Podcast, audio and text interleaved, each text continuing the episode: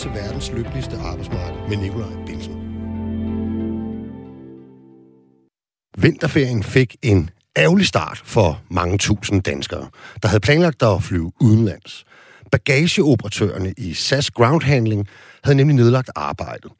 Og den overenskomststridige strejke blev først bragt til ende efter 48 timer og en kontant trussel om afskedelse.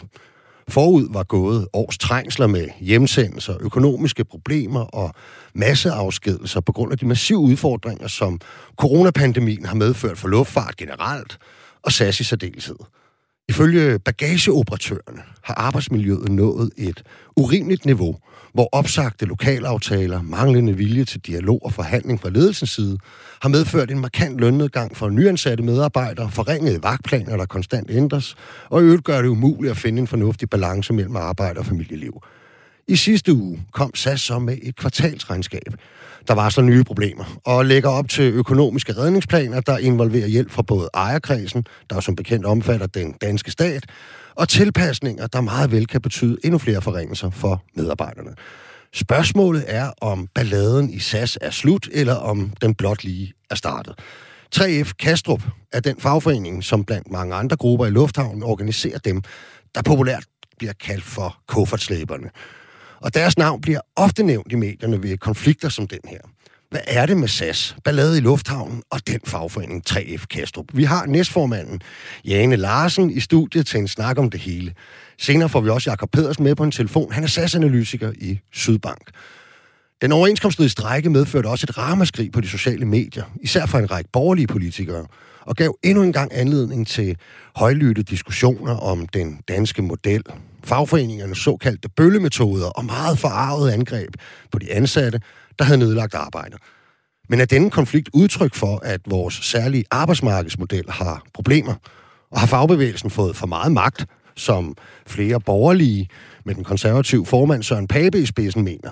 Og hvad er alternativet egentlig? Det debatterer vi til sidst i udsendelsen med ungdomsformændene for henholdsvis Liberal Alliance og Konservativ Ungdom. Selv har jeg et par gange i mit arbejdsliv prøvet at nedlægge arbejdet overenskomstridigt, og endnu flere gange forsøgt at håndtere det som tillidsvalgt.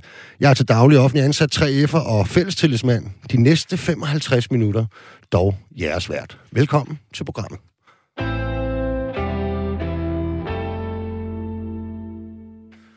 Puha, den, den, var, den var ikke så lang, den indledning, da jeg skrev den, skal jeg lige sige. Men øh, om ikke andet, så øh, velkommen til dig, Jane Larsen. Tak skal du have, Nikolaj. Øhm, du er næstformand i, i, øh, i 3F Kastrup. Hvad er din baggrund egentlig øh, for at være ind der? Jamen, øh, jeg har selv arbejdet i lufthavn i mange år. Jeg var derude i små 14 år og okay. arbejdet i, øh, i flykliningen. Ja. Dem, der gjorde rent i flyene. Ja. I først SAS, som så outsourcede os til Sodexo, øh, som nu i dag igen øh, er gået over til en ny virksomhed, der hedder Service. Okay. Så du kender lufthavnen ret indgående, altså helt personligt i virkeligheden, og mange folk, Ja. der har arbejdet, der arbejder der, eller hvad? Ja, det gør jeg.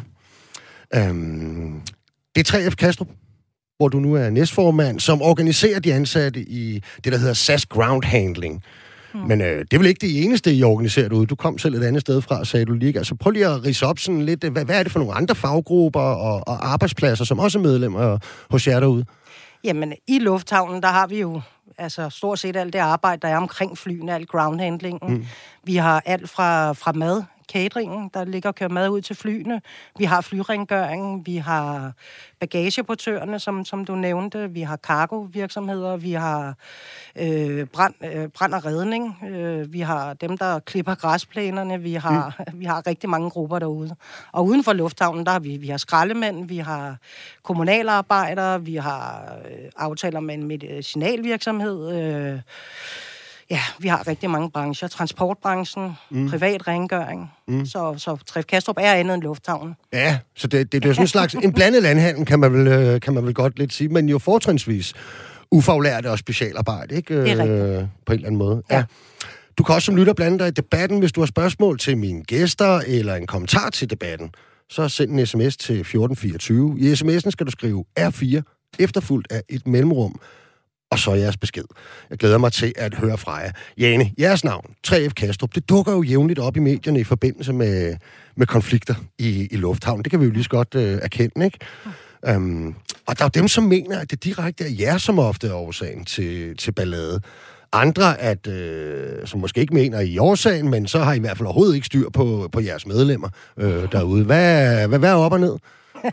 ja, altså konflikter, de opstår ude på en arbejdsplads. De opstår ikke i fagforeningen, hverken nede i, i, i vores lille lokalafdeling eller inde i Kampmannsgade. De opstår ude på arbejdspladserne. Kampmannsgade er der, hvor 3F's hovedforbund ligger. Ja fortælle lytterne. Ja. Hmm, det er rigtigt.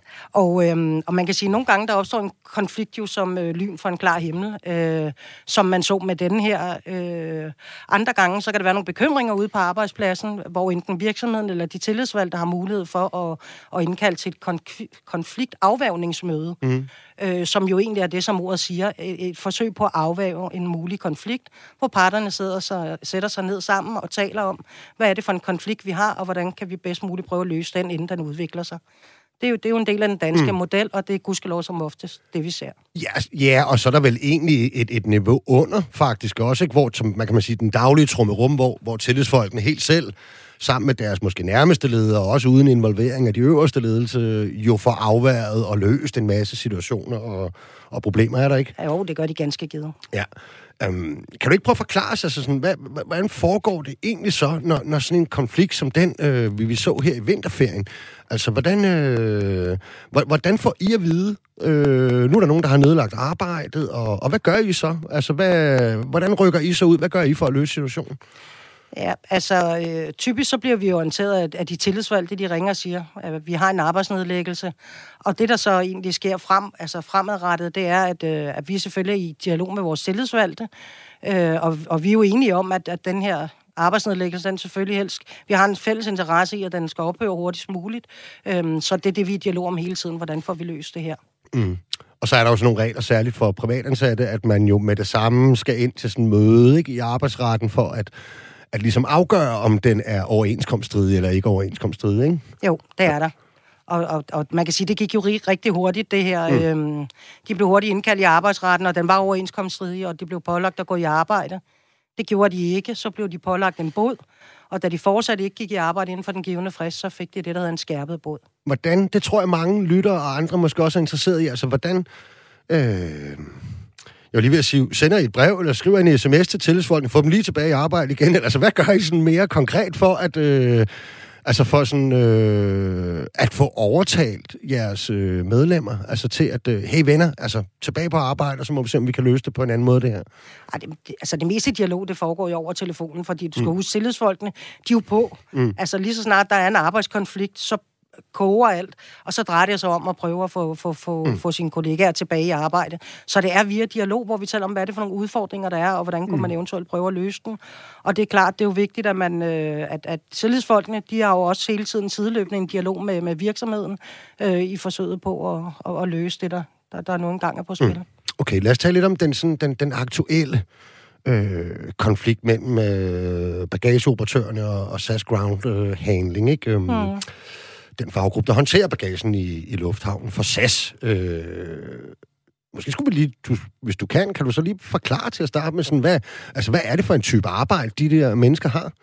Ja, altså det, det er hårdt arbejde. Det mm. er, altså det er jo ganske almindelige mennesker. Øh, det er unge, det er familiefædre, det er seniorer, det, det, det er sådan et bredt udsnit. Når du siger fædre, så, så lyder det som om, at uh, der er ikke så mange kvinder ansat i, i den afdeling. Nej, eller? altså de har gjort et stort nummer ud i den her om, mm. ombæring, uh, SKH, i at prøve at få, få nogen fra, jeg tror, de kalder det det underrepræsenterede køn, men mm. altså kvinder uh, ind i arbejde også, og de har faktisk også fået ansat et par stykker, ved jeg. Okay. Så, så det er jo rigtig fint. Men det er, men, det er en mandearbejdsplads, lad os sige det sådan. Ja, det er ja. det men nu også med kvinder. Okay. Og, øh, og, og man kan sige, det, det er hårdt arbejde. Det er jo at transportere, hvad hedder det, bagagen øh, fra øh, transitten og ud til flyene. Det er folk, der kravler op og skal fordele mm. Øh, den her bagage her, så den ligger rigtig også vægtmæssigt. Mm. Det kan være 200 stykker bagage, de har fat i, der vejer op til 500, øh, eller undskyld, 25 kilo, ja. 500, 25 kilo øh, stykket. Ja, så har jeg øhm. betalt for meget nogle af de gange, jeg har fået den vejet ind. ja, ja, det er rigtig hårdt arbejde, og, og, og enten der sidder de på rumpen, eller også sidder de på knæene i forsøget på at fordele den her bagage. Mm. Så, men, men det kan jo også være andre ting. Det kan jo også være at få bagagen på båndet. Det kan være, at der er nogen fra det hedder vand og toilet over for specialafdelingen, som går ud og, og tømmer toiletterne, når, mm. når flyet er kommet ind øh, og kommer nyt vand på. Øh, det er folk, som øh, trak, øh, traktor, traktoreringen, de øh, får flyene ud øh, så det er, de er klar til take-off. Øh, der kan også være de-icing sådan en kold dag som i dag. Der, der bliver flyene gerne trukket over og bliver de Det er sådan en speciel væske, man kommer på mm. vingerne, øh, så det er, der ikke er frost. Det er meget fedt at høre, fordi jeg synes, det er meget interessant at få et, øh, et, et eller andet billede på, øh, hvad det er for et type arbejde, de der mennesker går og laver, som mm. jo virkelig har været i vælten her i vinterferien, ikke? Og, og der var ikke sådan rigtig nogen grænse for, hvordan, synes jeg i hvert fald, man sådan ligesom kunne tillade sig at omtale dem, ikke? Og, mm. og det lød jo nemlig også lidt som om, at det var sådan en slags... Øh, ballademager og professionelle øh, revolutionære nærmest, ikke? Eller sådan noget. Men du siger hvad? Det er helt almindelige øh, familiefædre, øh, men dog med en, tænker jeg, en vis faglig tradition så, for der er jo en vis faglig tradition for, hvad kan man sige, at være stærkt organiseret, øh, have et stærkt sammenhold, øh, tror jeg, de selv vil kalde det, ikke? Øh, og, øh, og kæmpe for sine rettigheder. Altså, det er vel selvforståelsen blandt øh, den klub derude, er det ikke? Jo, det er det. Øhm, de, er, de er godt organiseret derude, mm. og de har, de har et rigtig godt fællesskab. Øhm, det er der ikke nogen tvivl om. Øh, men igen, du har ret, det er, det er naboen. Det er ham, du møder nede ved købmanden. Det er en ganske mm. almindelig i hvert fald øh, på Amager, måske. Så kan man jo selv diskutere, om de er lidt anderledes end resten af, af landet. Men... De kommer nu også længere fra. ja, okay. ja. Trods alt. Altså, og ifølge de her folk, ikke, altså de ansatte, så er der jo gået en hel del ting forud for den arbejdsnedlæggelse, som, som de selv kalder for en slags kulmination på, på længere tids problemer med arbejdsmiljø, ikke? og sådan manglende lydhørhed og vilje til forhandling fra ledelsens side.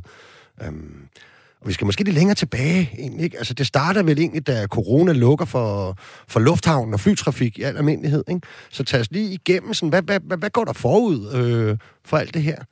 Ja, altså corona rammer som en tung hammer. Mm. Øh, og ikke mindst i flybranchen. Der er jo mange brancher, der bliver ramt af det, men ikke mindst flybranchen. Øh, der, altså, vi, vi har jo prøvet at påvirke alt, hvad vi kunne, for at få nogle fornuftige re, øh, restriktioner, som, øh, som gik så lidt ud over som luftfart som muligt, men, men men, men situationen har været, som den har været. Mm. Øh, så kan man sige, aktuelt i ekspeditionsarbejdernes klub, øh, som, som klubben hedder, øh, der indgik ledelsen og, og, og de tillidsvalgte, de indgik nogle aftaler om nogle midlertidig lønnedgang, øh, inden det var, at de blev sendt hjem på lønkompensationsordningen. Mm. I virkeligheden en fremstrakt arm, fordi man godt vidste, hvad er det for en situation, vi er i. Så der lykkedes altså at indgå nogle midlertidige aftaler. Øhm, så sker der det, at de kommer tilbage nogle måneder senere, Øh, og at, at, at, hvad kan man sige, coronasituationen, den retter sig jo ikke. Øhm, og så oplever de, at halvdelen af deres kollegaer omtrent bliver opsagt. Mm. Øh, at de bliver sat på arbejdsfordeling. Øh, det er det, der betyder, at man øh, går, går ned i løn, øh, således at nogen er hjemme på skift, ikke? Øh. Jo, man kan sige, øh, der, er noget, der er et mindre stykke arbejde, og, mm. og, og der er et mindre stykke arbejde, og det deler man. Mm. Og det svarede i starten til cirka 50 procent. Der var kun 50 procent af arbejdet, så de tilbageværende, de delte som de 50 procent, og de andre 50 procent var de på dagpenge. Mm det, det er sådan et meget almindeligt begreb i, i industrien, faktisk, ikke? Altså, som jo gør, at virksomhederne også kan modvirke øh, konjunktursvingninger, ikke? Det er rigtigt, og i det her tilfælde, der gik man jo så ind og lavede en trepartsaftale på mm, det, ja. for at prøve at, at bakke op og, og redde arbejdspladser, mm. hvilket det også har gjort. Det er hvad, ikke i tvivl om. Hvad var sådan de konkrete konsekvenser af, at øh, altså som, som medarbejderne øh, oplevede af, at lokalaftalerne, for jeg fornemmer, at det er meget af der, konflikten har været kredset om, altså hvad... Øh, hvad var de konkrete øh, ting, som man mente var blevet forringet, øh, ved at man havde opsagt de lokale aftaler fra ledelsens side? Jamen, man kan sige, altså, jeg tror, jeg vil starte et andet sted, okay. og, så, og så sige, øh, altså, øh, hele fundamentet, synes jeg, i industriens overenskomst, er de lokale aftaler. Og de lokale aftaler, det der er så stærkt, synes jeg, det er, at man kan gå ind og lave nogle aftaler, som passer til den enkelte virksomhed. Mm. Øh, og de aftaler bliver lavet mellem ledelsen og virksomheden mm. øh, i fælles forståelse for, sådan vil vi gerne køre det herude. Mm. Så der er nogle rammer, der er nogle retningslinjer, der er en struktur. Mm. Når så alle lokale aftaler bliver opsagt, og, og de bliver revet væk, var, var jeg ved at sige, og mm. forsvinder by night, mm. så er det jo en helt anden arbejdsplads, man kommer tilbage ja, ja. til. Fordi der er ikke den der regulering, der plejer at være. Mm. Øh, noget af det, som, som, som der er blevet, blevet, blevet talt en del om i medierne, som de også skriver i den lø, løbeseddel, øh, de strækkende, som, som de sendte ud til, til SAS-kunderne under konflikten, det er jo blandt andet det her med, øh, med, med, med, med, med vagtplaner, ikke? Mm. som har fyldt rigtig, rigtig meget Det, at man før havde nogle vagtplaner, der, der, der galt måske for et halvt år siden, så får man den nu med en måneds varsel, ikke? Mm. Øh, og hvor, stadig, hvor, og så, så hvor, hvor man har ændret i... Du troede, du skulle arbejde sådan her næste måned, nu ser øh, dagene helt anderledes ud, og tidspunkterne, man møder ind på, og... Ja, man, ja, ja eller, ja, eller du, man kan sige, du får en ny vagtplan hver mm. måned, ja. øh, som, som, som jo selvfølgelig kan være forskellig fra den måned før. Mm. Men derudover, så kan du også øh, ske vagtændringer i dem. Mm. Øhm, og det er noget af det, der har givet nogle udfordringer. Hvis, altså, hvis man nu er familiefar, så kan det jo måske være rigtig svært at aftale med konen. Det er i hvert fald det, vi hører fra vores medlemmer. Eller hvis man er skilt. Øh, ja, endnu sværere. Ja, endnu sværere, ikke? Men det der med, at jeg henter børn i dag, eller jeg mm. henter børn i morgen, og så, ej, det kan jeg heller ikke i dag, det kan jeg heller ikke i dag. Mm. Øh, det, det, det er nogle af de tilbagemeldinger, vi har mm. fået. Og så er der det med, at, øh, at, at, at nyansatte, de, øh, de starter øh, på en løn, der ligger 10 procent lavere, end det den gjorde før lokalafsalerne var opsagt. Ja, og det er jo også noget, man kan se, at, at, at de skriver i deres skriv, øh, mm. at, at, at, at det giver en stor utryghed derude. Mm. Gud forbyde det, lad os nu sige, der kommer en coronabølge. Jeg ved snart ikke, hvad vi er på. Nummer 4, 5, 6, og der igen skal ud og opsiges. Hvem er det så virksomheden går ud og opsiger? Er det de dyre eller de billige medarbejdere? Ja, ja. Det er noget af det, de også har været ude at sige. Mm. Mm. Der har også været øh, noget frem omkring øh, altså selve deres arbejdsmiljø, ikke? og de har jo haft... Øh, de har været en tur på arbejdsmedicinsk klinik, ikke? og de har jo, der har jo været lavet nogle undersøgelser og det ene og det andet. Kan du prøve lige prøve at sige noget om det? Ja, men det jeg kan sige ganske kort, det er jo faktisk det, de Skal også... Skal huske at snakke direkte ind i mikrofonen, Jane? Nå, ja. nu bliver jeg også rettet på. Det er godt, ja. tak.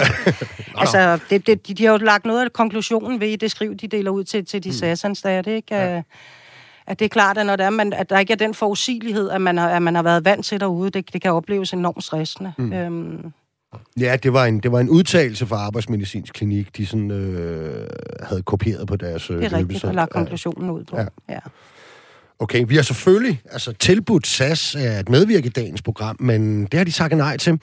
Men i et mailsvar så pointerer de, at SAS også har mange medarbejdere, som er glade for deres arbejdsplads, og som lige nu er meget bekymret for, at den skal gå tabt hvis vi ikke hvis ikke vi har alle medarbejdere med, skriver de.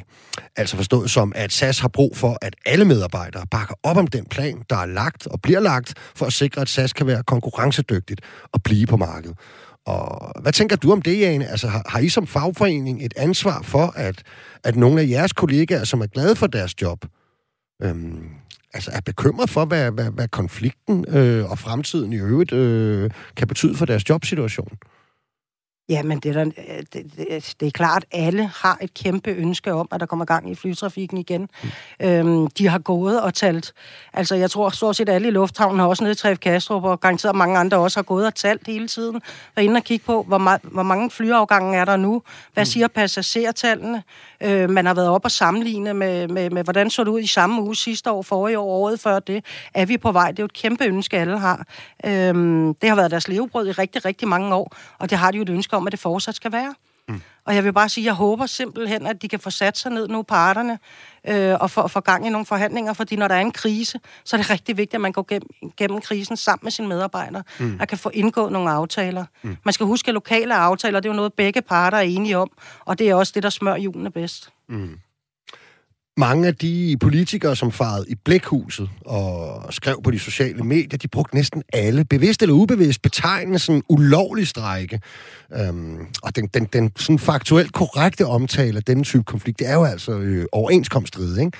Og jeg er ikke sikker på, at alle helt forstår forskellen, eller, eller hvorfor det er så vigtigt for, for fagforeningsfolk øh, og, og nogle mennesker, at, at man bruger det rette udtryk. Øh, kan du gøre os lidt klogere?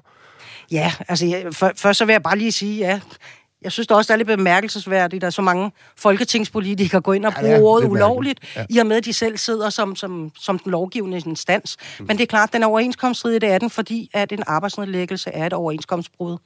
Øhm, der bliver begået overenskomstbrud ofte, Mm. Øh, også virksomheder, øh, arbejdsnedlæggelser, mm. øh, bliver jo så selvfølgelig begået af, af, af arbejderne derude, og, øh, og, og det har vi jo et system til. Øhm, der står, man ikke må lave arbejde, altså ulovlige arbejdsnedlæggelser. Det står både i overenskomsterne, det står i arbejdsretsloven, og det står også helt tilbage i hovedaftalen. Og der er jo lavet et system for det. Ligesom hvis man begår, en virksomhed begår et overenskomstbrud, mm. så kan de få en bod for det. Så kan man det også at i, i, øh, i, i, i, i hvad hedder det, mm. ifølge den danske model og de aftaler, der ligger. Ikke? Okay. Mange af de her problemer og uoverensstemmelser, dem kender man jo også til på andre arbejdspladser, ikke? Øh, mm. Og I har jo overenskomst med alle mulige forskellige virksomheder ude i, i, i lufthavnen, ikke? Øh, Øhm, hvad, hvad er sådan tilstandsrapporten der, altså? Hvorfor, hvorfor er der ikke ballade og konflikt de steder? Hvad, hvad har man gjort rigtigt der, var jeg lige ved at sige? Eller er det bare medarbejderne, der er sådan lidt mere venligt stemte typer? Nej, altså det kan jo være svært at sige, hvorfor sker det det ene sted og ikke det andet. Det jeg kan sige, er, at, at der også, har også været andre steder i lufthavn, hvor man er været ude og opsige de lokale aftaler. Mm. Og der er det altså lykkedes de tillidsvalgte og, og virksomhederne at sætte sig ned og få lavet nogle, nogle aftaler, okay. øh, og nogle, og nogle nye lokale aftaler, som begge parter kunne se sig i. Mm. Så der har jo i hvert fald så været en dialog, der også, om ikke andet, førte til øh, et konkret resultat, ikke? Altså i form af, af nye lokalaftaler. Ja. Okay. Øhm, det er ikke så længe siden, jeg så et opslag, hvor øh, SAS Ground Handling, de søgte bagageoperatør, ikke? Øh, hvordan står det egentlig til med sådan rekrutteringen derude? Øh, altså, kan de finde de folk... Øh, øh, som de har brug for, og er der folk, der selv siger op? Det, det så jeg jo her i weekenden, hvor der nogen, der, der, der valgte at tage imod tilbuddet fra ledelsen om, mm. at øh, hvis ikke du vender tilbage, så kan du betragte dig selv som opsagt. Øh, det var der altså nogen, der gjorde, øh, som sagde, så bliver det uden mig, øh, det her, ikke? Ja, og begge dele. Altså, SAS er i gang med, med at rekruttere, øh, men samtidig, det kan vi jo også se på det skriv, der, der er lagt ud for, mm. For, for de strækkende, at, øh, at, at der siver også øh, god, god mm. øh, arbejdskraft ud samtidig. Mm. Øh, folk med rigtig mange års ancienitet så kan man sige, jeg håber, øh, det, det er jo svært i dagens Danmark øh, at, at rekruttere fuldstændig blindt. Øh, mm. Der er en, en, en, en der, der er rift om at få arbejderne i øjeblikket, mm. øh, og det er klart, hvis der man går ud og, altså jeg vil sige, dem, der tilbyder de bedste vilkår, er også dem, der har bedst mulighed for at rekruttere. Okay. Så hvis man nu går ud og måske tilbyder 10% lavere i løn, så kan det da måske være sværere at rekruttere. Ja, hvad er jeres indtryk? Har de andre, der er jo også andre bagagehåndteringsfirmaer mm. derude, har de mm. lige så store rekrutteringsvanskeligheder som, øh, som SAS? Øh, det, det, det, det ved jeg det ved ikke. Jeg. Altså, det har jeg ikke set tal på. Okay. Hvor er vi så henne nu? Hvad, øh, og hvad gør I i 3F Kastrup for at, at løse problemerne? Er der lagt op til forhandlinger? Øh, skal I mødes? Ja, altså nu skal vi huske, det er tillidsfolkene, der forhandler. Mm. Øhm, og jeg tror, i den her helt særlige situation, øh, der er der lagt lidt op til, at, at, at vi skal være med sådan lidt i den spæde start, til lige at hjælpe dialogen i gang. Mm. Så det er, at vi kan få forhandlingerne i, i gang igen øh, mellem virksomheder og tillidsvalgte. Mm. Fordi det, det er det, der skal til.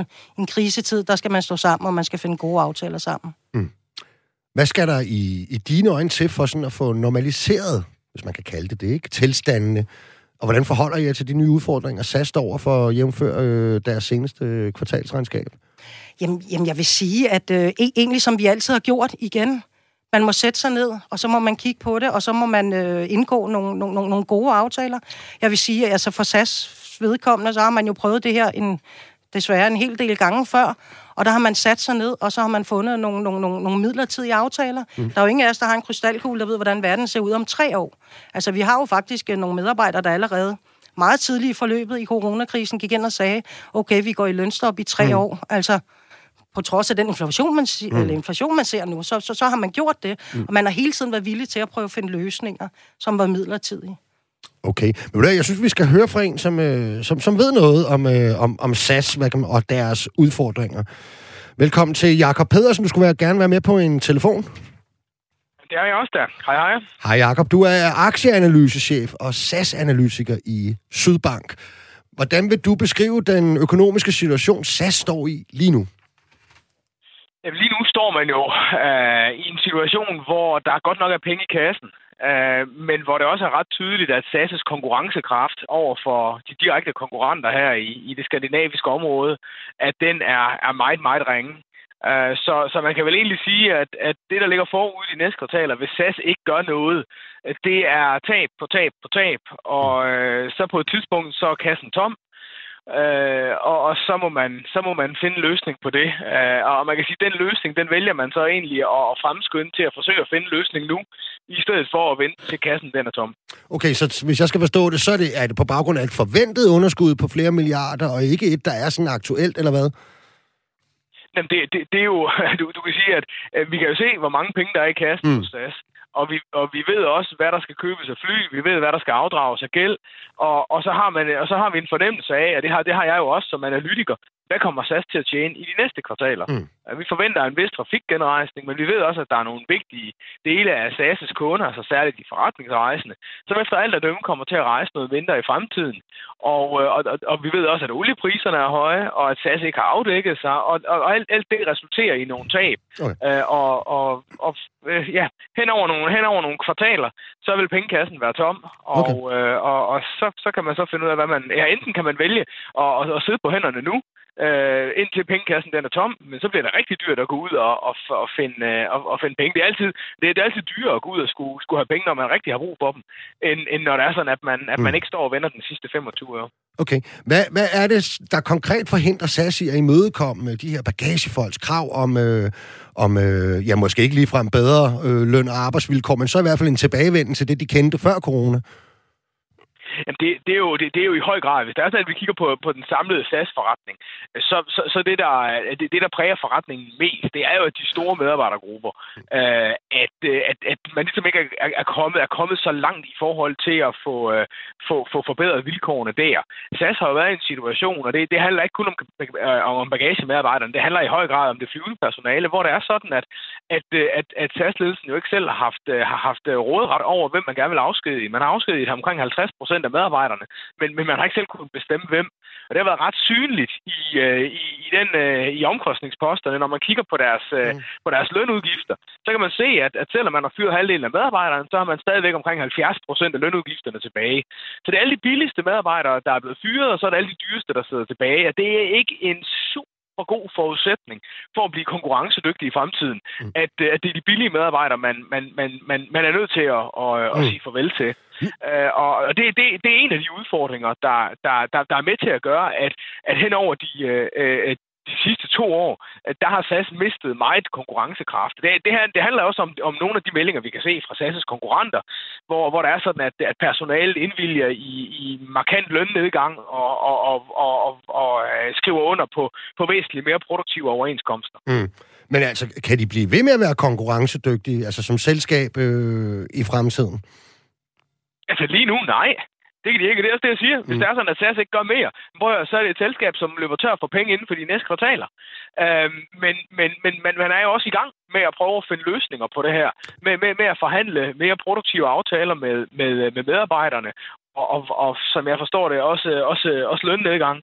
Øhm, og det, det, det, er, det kommer jo bare i halen på, på de sidste 20 år, hvor det er sådan, at det i og for sig har været, har været enormt for, for SAS-medarbejderne. Så jeg kan bestemt mm. godt forstå, at, at man sidder tilbage og tænker, kan det virkelig passe, at det skal blive ved det her? Mm. Men, men, men, men, men når vi bare kigger isoleret på, hvad konkurrenterne har gjort siden corona brød ud i, i, øh, øh og begyndte at påvirke i, i februar øh, 20 øh, og frem til nu, så er SAS bare to-tre skridt bagefter. Okay. Men, altså sådan, i forhold til hele den økonomiske situation, du beskriver, ikke, øh, som SAS befinder sig i, altså, kan det så egentlig forsvares, at SAS de modtager øh, støtte fra både den danske og svenske stat? Det, det er politikeren, du skal spørge om det. Jo. Ja, ja. det, er jo ikke, det, det er jo ikke noget, jeg skal bestemme, men jeg kan da konstatere, at man har, man har reddet, øh, at man, man, man er, både den svenske og danske stat der gået ind og har reddet SAS, og har efterfølgende også, øh, øh, ja, jo, jo i form af de forskellige kompensationsordninger, der er, er sendt, sendt rigtig mange penge i, øh, i mm. SAS' retning. Men der er der heller ikke nogen tvivl om, at særligt nok herhjemme, at, at SAS er vigtig SAS og Københavns Lufthavn er omdrejningspunkter i, øh, i den luftfartsstrategi, vi har herhjemme. Mm. Øh, og, og, og derfor kan man ikke bare give slip for, for, for Danmark. Vi er en lille åben økonomi. Vi har øh, simpelthen brug for, at der er de bedst tænkelige luftveje ind og ud af landet, så vores, øh, så vores dygtige virksomheder de kan få afsat nogle af deres varer ude i verden, og så, og så der også kan komme nogle turister til Danmark. Mm, ja, altså lige, lige forlængelse her, og til sidst, Jacob, hvad hedder det? Altså, hvad, hvad ville, hvis vi nu tænkte den tanke, hvad ville en konkurs øh, i SAS betyde for, for det danske arbejdsmarked, sådan kort? Jamen altså for, for, for mig at se, så vil, så vil den klart betyde, at for store dele af erhvervslivet, der vil det blive markant mere besværligt at komme derhen i verden, hvor de gerne vil. Mm. Det kan de i og for sig stort set gøre med SAS i dag.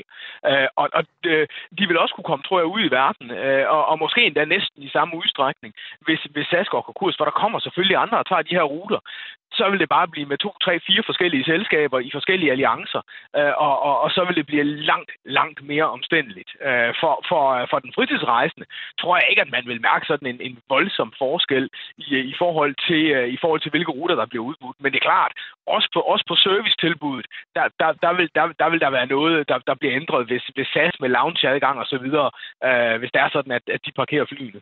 Okay. Jakob Petersen, tak fordi du ville deltage. Aktieanalysechef for SAS Analyse SAS-analytiker i Sydbank. Velkommen. Jane, næstformand i 3F Kastrup, altså det... Hvad siger du til, når... Du har jo sikkert hørt Jakob øh, udtale sig mange gange, ikke? Ja. ja. Hvad tænker du om det, han siger? Jamen, det er jo rigtigt. Der er kommet et regnskab her, som, som, som i den grad fordrer til, at parterne er nødt til at sætte sig sammen. Øhm, jeg er egentlig lidt tilbage. Det er sammen, at, at øh, medarbejdere og virksomhed skal, skal, skal løse det her. Der har været den her kæmpe tillidskrise. Altså, nu må det simpelthen være tid til at komme videre. Mm. Og parterne sætter sig ned sammen og prøver at indgå nogle gode aftaler sammen. Det er simpelthen dialog, der skal til. Det skal i hvert fald blive spændende, måske lige frem. For spændende vil nogen mene, hvad der sker med SAS og i lufthavnen generelt. Uanset hvad, tror jeg, alle deler ønsket om at bevare så mange danske arbejdspladser derude som muligt, og forhåbentlig også, at det naturligvis skal være gode arbejdspladser. Jane Larsen, tak fordi du ville deltage i programmet. Tak. Du lytter til verdens lykkeligste arbejdsmarked med Nikolaj Bensen. Det er lige, hvad du gør, og det betyder, at du lytter til Radio 4, hvor vi i dagens udsendelse tager hele balladen i SAS, og især konflikten med bagageoperatørerne under behandling. I den første halvdel har vi især fokuseret på selskabet og de ansatte, samt deres efterhånden ongoing konflikt, der i vinterferien kulminerede med en overenskomststridig strække. Og den afsted kom jo ganske meget opmærksomhed fra ikke mindst en række borgerlige politikere, samt en debat om den danske model og fagbevægelsens metoder. I den sidste del skal vi debattere netop det. Og vi synes, det kunne være spændende og lidt anderledes at holde denne debat på en sådan den borgerlige banehalvdel. Øh, for man er ikke udelukkende 100% enige om alt på de kanter. Og for at, øh, at det ligesom er dem, som har tiden for sig, kan jeg vel, øh, kan jeg vel sige, og måske, måske ikke skal videreføre vores øh, særlige arbejdsmarkedsmodel, så har vi undgået de, øh, de, de ældre nisser og stemmer, og giver i dag i stedet for taletid til sådan de lidt mere yngre kræfter. Du kan fortsat skrive herind med en kommentar eller et spørgsmål. Send en sms til 1424. I sms'en skal du skrive R4 og så din besked efter et mellemrum. Og mens jeg har stået og talt, så har jeg fået selskab af to borgerlige ungdomspolitikere. Velkommen til dig, Simon Fendinge Olsen, formand for Liberal Alliance Ungdom. Tak skal du have. Og samtidig pænt goddag til dig, Magnus von Dreyer, landsformand, konservativ ungdom. Mange tak. Formand for din voksenafdeling, øh, hvis man kan kalde det det, Magnus, øh, var godt nok vred i, i, i vinterferien. Ikke? Altså, jeg praktisk talt alle konservative politikere, der kunne kravle og gå, om de sad i Folketinget, eller kommunalbestyrelser, eller øh, regionsråd, eller hvor man var henne. Altså, så fløj man altså til, til tasterne øh, med næsten enslydende opslag på sociale medier, der rasede mod de her kuffertslæber i lufthavnen. 3F som forbund, som blev beskyldt for at have orkestreret det hele, balladen, og virkede en smule koordineret måske, men... Øh, men meget forarvet. Var du selv enig i, i den forarvelse og den kritik, som den, øh, som den var udtryk for? Jamen, det synes jeg bestemt, øh, og jeg synes også, at flere af de pointer, øh, som man kom med, øh, har en reel værdi, og synes også, at der er nogle øh, problemer, som at vi bliver nødt til at skulle etalesætte, fordi at jeg tror sådan set på den, på at den danske model, men det kræver så også, at man, at man overholder at de regler, som man er blevet, blevet enige om. Og det var jo så netop det, som man ikke gjorde.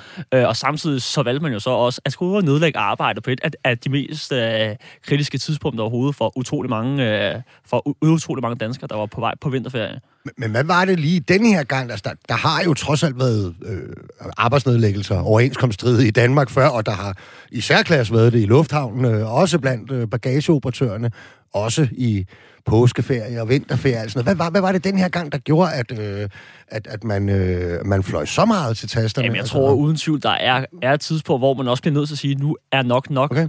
Øh, og at hvis man bare øh, kigger en smule af på medierne her de seneste måneder, har man jo hørt om flere problemer øh, med at I hører igen og igen, at, hvor at flere fra flere fra flere fra mange, at de af de røde fagforeninger har jo, øh, som jeg ikke man, hvad, hvad, hvad kalde det, øh, har brugt forskellige slags metoder til at tvinge ansatte øh, til at skulle blive være medlem af specifikke fagforeninger, øh, til at gå med til at skulle, til at skulle nedlægge arbejdet øh, og skulle tvinge dem til det. Og hvis der er nogen, der har et øh, ønske om, at alligevel man skulle, man skulle genoptage øh, man tager deres arbejde, så, så bliver man set ned på. Øh, tænker, og, du, lige tænker du simpelthen, at der er nogen, der er blevet tvunget til at nedlægge arbejde?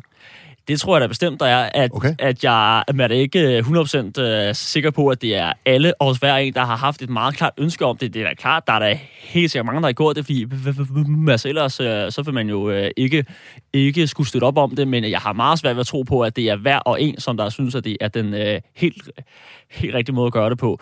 Øh, og man har jo ikke, det synes jeg også, man har kunne se øh, de seneste gange, hvor der er nogen, de er blevet sagt op. Øh, for eksempel, det var for nogle måneder siden med en VVS'er, han blev sagt op, øh, fordi han ikke ville, ville være medlem af den fagforening, som skulle være med på arbejdspladsen. Der er flere, der får at vide, uanset om man, skal, man er tømrer eller øh, man er, er bagagemedarbejder her på vores arbejdsplads, der er man medlem her af den her fagforening, øh, og hvis ikke du er det, så hvor du arbejder. Ja, og du riser jo i virkeligheden mange af de ting, som Søren Pape selv skrev i et øh, Facebook-opslag øh, under en overskrift, at fagbevægelsen har fået øh, for meget magt. Um, og jeg tænker, vi vender tilbage til nogle af de der elementer, ikke? altså også sådan uh, debatmæssigt, men vi skal lige have uh, Simon Felding Olsen ind her. Du havde jo også reflekteret over hændelserne i, i vinterferien, men kom alligevel ikke frem til sådan en helt samme uh, holdning til selve den danske model, som en del andre borgerlige gjorde. I debatmagasinet Ræson skrev du et, uh, synes jeg, spændende indlæg under overskriften Kæmp kærligt og kritisk for den danske model. Tag os lige igennem uh, hovedpointerne.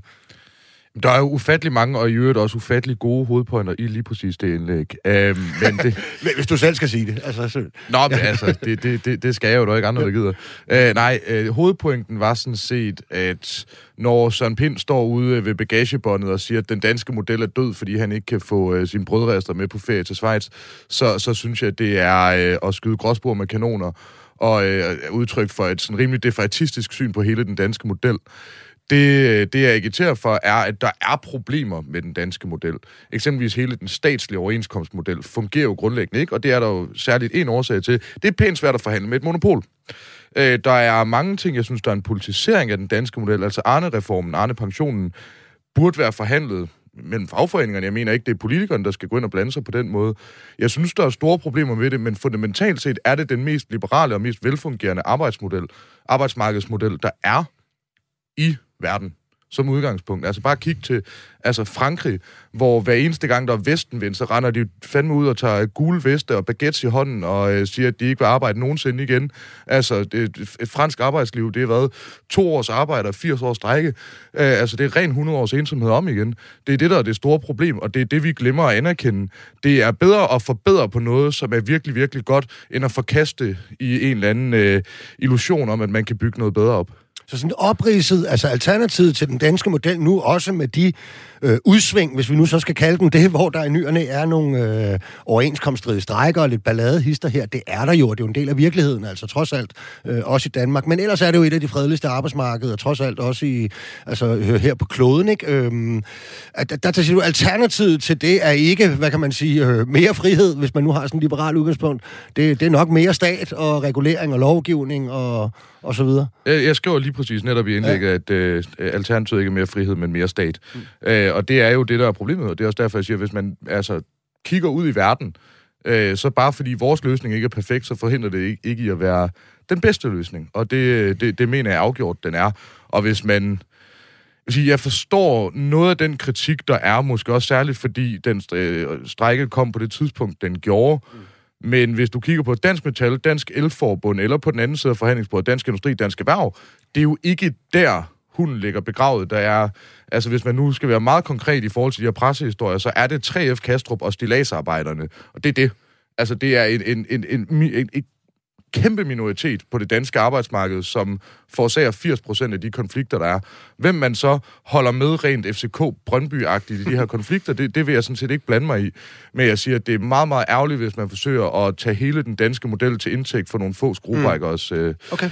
problemer. Lad os høre det. Uh, Magnus, hvad siger du til det? Jamen altså, hvis du kigger, kigger kigger på at den organisation, øh, at så, at så om Dansk Elforbund, øh, som Simon selv siger, der er der også øh, flere der, øh, som der får at vide, når de, når de kommer kommer at lære, når man her hos os, der er med medlem af, af Dansk Elforbund, må, må, at hvis ikke man er det, enten så kan, kan, kan man ikke komme lære ikke få et job, og hvad det også, så bliver man set meget, meget ned på. Det er jo reelle øh, problemer, det tror jeg så også er en af grundene øh, til, at vi er, at hvis vi øh, generelt kigger på den, på den tilslutning, der er til, til de klassiske og de røde fagforeninger, den er jo dalende, øh, at i år for eksempel, der er det jo cirka 53 procent, som der jo er medlemmer af de klassiske øh, klassiske fagforeninger, som vi kender det, så virker det som om, at den måde, som ligesom prøver på at skulle holde sine venner op der, det er ved at skulle hæve det fradrag, øh, som der er for at være i rare medlem af en fagforening. Og jeg tror, at hvis der vi ikke får gjort noget op ved det, men så stopper den danske model. Mm. Simon? Grunden til, der, der er mange årsager, jeg har også debatteret det et par gange før, der er mange årsager til, at folk øh, i mindre grad er medlem af fagforeninger, men den vigtigste findes jo inden for økonomisk teori, det der hedder freerider-problemet. Mm. At man behøver ikke betale det her kolossalt høje kontingent. Hvis der er andre mennesker, der er medlemfis, så forhandler de for dig. På den måde, det er lidt ligesom fyrværkeri. Altså, så længe andre mindre kø, mennesker køber det, behøver du ikke selv købe det, for så kan du kigge på andre menneskers mm. flotte fyrværkeri. Det, det er det, der ligesom er den drivende faktor til, hvorfor at Krifa og hvem jeg ellers får meget, meget målrettet reklamer for, fordi jeg er altså ung, hvid mand og djøffer, ikke? øh, får de her meget, meget targetede reklamer. Jamen, de her gule fagforeninger har jeg ikke noget problem Jeg synes, det er fint. Men grund til, at folk søger derover, er jo, fordi der er en fundamental skævhed fra, som kan forklares af økonomisk teori langt hen ad vejen, om ikke andet. Er der en pointe, pointe i det, Magnus? Altså, man, man får de samme goder, som det fællesskab, som de traditionelle fagbevægelse øh, ligesom tilhører, har forhandlet, og de har forhandlingsretten. Det er dem, der skal rejse sager for dig, hvis du selv kommer i problemer osv. Du får præcis det samme som din kollega ved siden af. Du betaler bare ikke til den samme, hvad kan man sige, øh, fælleskasse. Nå, det afhænger af øh, uh, maderens arbejdsplads, uh, som der er på, uh, hvem har de deres overindkomst med, hvis de vil mærke har nogen selvfølgelig, men også hvis du er med hos Krifa, eller hos det faglige hus, eller hvad det nu hedder, der kan du også godt, øh, øh, hvis du mener, øh, at du bliver behandlet på en måde på din arbejdsplads, så kan de jo også godt skulle rejse sager for dig.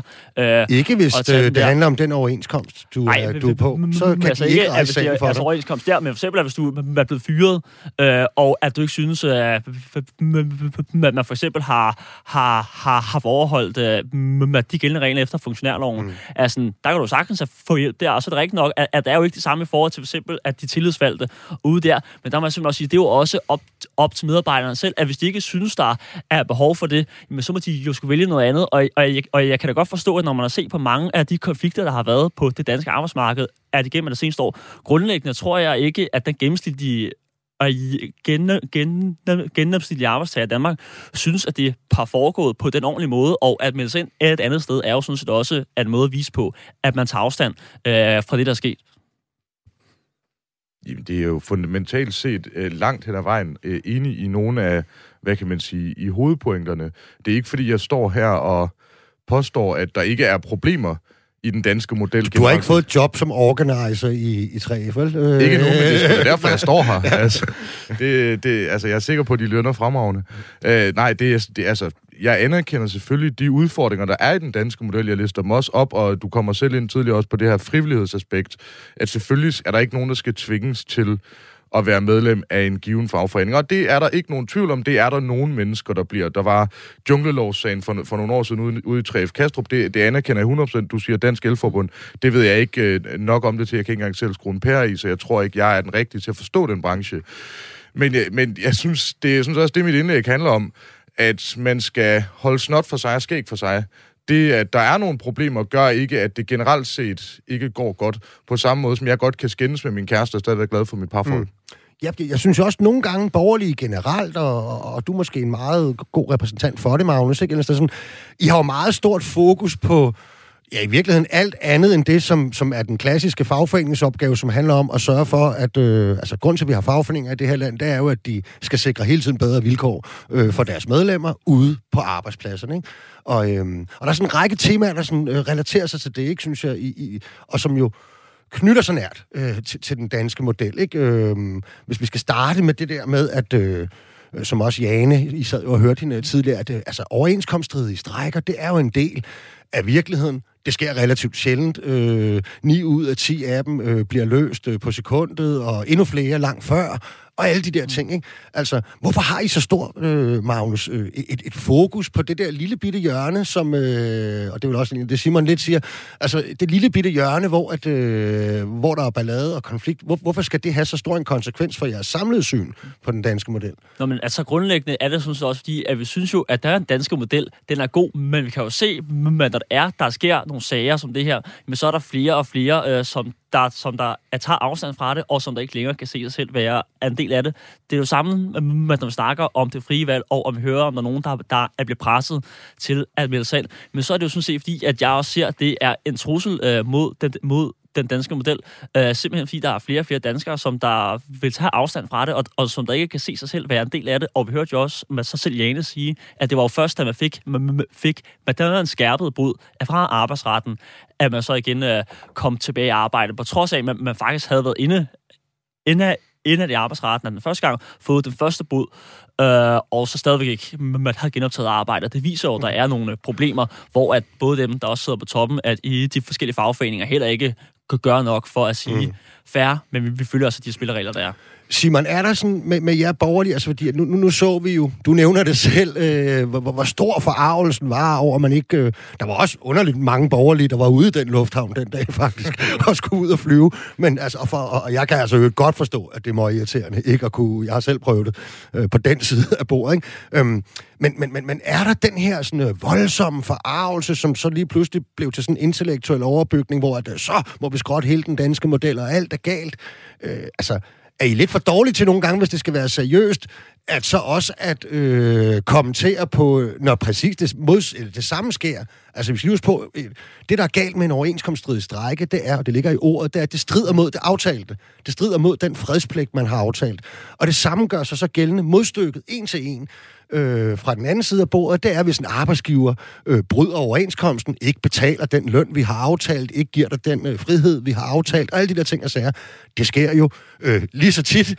De får en båd, øh, nogle gange store både i arbejdsretten for det, nogle gange så nægter de, at de har gjort det, så får de en båd til sidst måske, og så videre, så videre. Hvorfor er I ikke ude og kommentere på den slags egentlig, med, med, med samme øh, voldsomhed? Fordi det som oftest er noget, som ikke er præsent for folk. Altså, det er meget, meget tydeligt, hvis du øh, står ved et bagagebånd, der ikke kører, mm. at der er en konflikt, hvorimod det er meget svært for mig at vide, om folk i øh, groundhandling ude i Københavns Lufthavn får deres løn til tiden. Øh, og det er meget, meget sjældent bliver blæst op i samme grad, fordi det ikke har samme direkte påvirkning mm. for øh, sådan helt konkrete mennesker. Og her er afledt heller ikke har nogen særlig nyhedsværdi. Det synes jeg sådan set ikke, der er noget i vejen med. Og det er heller ikke, fordi jeg forsøger at, at drage borgerlige øh, som, som helhed til... Øh, til, til ansvar for, lad os sige, to gange Søren, synes jeg, øh, lidt, lidt voldsomme rappelerier om, øh, om den danske model. Og jeg tror i øvrigt også, at, at det, de skriver, i lige så høj grad er skrevet i effekt. Jeg kan også høre på, på Magnus, at, øh, at, at, hvad kan man sige, at verden er mere nuanceret end som så, at det, ikke, det her ikke er et frontalangreb på den danske model som, som helhed. Når så det er sagt, så må jeg sige, den borgerlige forarvelse over fagbevægelsen, jamen det er jo måske bare en kæphest, hvor man trykker på de, de rigtige knapper, ligesom netsmilliardærer, øh, måske med undtagelse af for Pernille rosengrantz selvfølgelig, eller privatskoler eller lignende, øh, er en kæphest for de røde. Altså jeg synes sådan set, at jeg synes ikke, det her det nødvendigvis er noget, Der stemmer som... i skidtet lidt, siger du, faktisk. Det spørgsmålet Eller er... er det intellektuel dogenskab? En af delene. øh, jamen, altså, det ene udelukker ikke det andet. Jeg ved sgu ikke, om der er stemmer i skidt. Jeg ved ikke, hvor mange der stemmer ud fra, øh, ud fra sådan øh, arbejdsmarkedsrelateret hensyn. Men jeg tror, det er et spørgsmål om, der er tegnet en konflikt op, som gør, at der kommer den her øh, automatreaktion, som, som du så sagtens kan kalde intellektuel dogenskab. Det synes jeg også i nogen grad, det er. Men det er der, jeg siger, jeg, jeg tror ikke, at det er et selvstændigt borgerligt problem her. Jeg var for at drage analogien til venstrefløjen, der reagerer lige så snart, der står mm. et beløb, der er større end 10 millioner. Eller for den sags skyld, folk smider deres børn på privatskoler, eller kører forældrekøb, men minder det er Pernille Skipper med det Frederiksen, eller, eller noget som helst andet. Altså, intellektuel dogenskab er, øh, er et problem på begge sider af sagen, og for at bruge et dejligt engelsk citat, the problem with common sense is that it's not very common. okay, Magnus, er der, er der aldrig, fordi det, det er jo ligesom en debat, man også er nødt til at have, er der aldrig en situation, hvor, at, øh, hvor man ligesom, øh, hvad kan man sige, øh, skiller den her øh, debat og sine meget varme følelser for den danske model og alt muligt andet væk og siger, men der kan jo altså godt være øh, situationer, hvor at, øh, at det er helt rimeligt, sådan moralt set. Det kan godt være, det strider imod øh, det er aftalt, at man nedlægger arbejdet, men, øh, men rent moralt, så synes jeg, at det her det er en, øh, det er en gedin sag, de har her. Nu, ikke nødvendigvis øh, koffertslæberne, men, men i det hele taget. Jo, men det er der, der er helt sikkert at så flere, som der sagtens kan synes, øh, og jeg tror ikke, at det kommer som den største overraskelse, at jeg øh, som konservativ også står på en værdi. Man tager om ordentlighed, øh, og det synes jeg sådan set også er, at man, man, man, man følger af de regler og af de aftaler, som man har haft indgået. Øh, og det er jo sådan, sådan set også derfor, at jeg synes, at den seneste arbejdsnedlæggelse øh, ude i lufthavnen, men det var ikke et tegn på ordentlighed. Mm. Det var ikke sådan, jeg synes, at det er en rette fremgangsmåde. Simon, du kalder jo direkte dem, det synes jeg er meget sjovt egentlig, du kalder dem, der laver den slags ting for skruebrækker, altså over for den danske model, ikke? Jo, Jamen, det synes jeg er meget sjovt. Men, det er et meget, meget, meget, meget begavet retorisk træk, og jeg sætter ja, ja, ja. meget stor pris på, at du lader mærke til det. Ja, det gjorde jeg nemlig. Det kan være, at vi skal begynde på det selvfølgelig, men, men jeg vil også lige spørge dig om lidt det samme, men som et mere konkret eksempel. Vi havde tidligere øh, sidste år øh, inde i det her program øh, Mia Christina Hansen, som, øh, som havde arbejdet ude på et bosted øh, for psykiatriske patienter, Øh, og der kører i øjeblikket en dokumentar om deres arbejdsforhold igen. Det er barske løjer, det er pistoler, det er knive, det er, det er rigtig voldsomt, det er dårlige nummeringer, det er en, en meget, meget, meget øh, dårlig sikkerhed nogle gange. Og de gjorde det, de nedlagde deres arbejde overenskomststridigt, efter at de havde oplevet inden for få år, at deres anden kollega i træk var blevet dræbt, og mm. at deres arbejdsgiver, Københavns Kommune, ikke på trods af et påbud for arbejdstilsynet om at rette op på nogle helt elementære sikkerhedsforhold, ikke havde gjort det. Og så siger jeg bare sådan, vil, kunne man forestille sig, at Søren Pind og kompaner og alle mulige andre borgerlige ville sige, at øh, det er også for galt, og hvorfor skal de strække, og det ene og det andet og det tredje. Jeg altså, kan ikke udtale mig på vegne af Søren Pind. Nej. Altså, mit vandtryk er forrygende, øh, så jeg har ikke nogen problemer desangående. Øh, jeg synes, det, er, er, det, er det for dårligt, at borgerlige ikke udtaler sig om det, det ved jeg sgu ikke, jeg vil ikke blande mig i, hvad, hvad de andre, jeg er sikker på, at folk har en holdning til det, men politik er også mm. politik forstået på den måde, at der måske ikke helt er stemmer i det på samme måde. Men jeg synes jo så, at du berører netop det, jeg også skriver i indlægget i forhold til hele den statslige, og her er afledt også kommunale model, nemlig det er pissvært at forhandle med et monopol. Mm. Og her er det jo så Københavns Kommune, og jeg er ret sikker på, at hvis der er noget, borgerlige politikere har som stærkere kæphest end, øh, end, end fag, fagbevægelsen, så er det med Københavns Kommune. Danmarks i parentes med største arbejdsgiver. ja, okay. Hvad, hvad, hvad tænker du om, om, om sådan en situation, Magnus? Altså, vil du også der sige, eller sagt på en anden måde, er der, er der undtagelser for, for sådan din regel om ting? Vil du der sige, vil du tage øh, stilling per situation?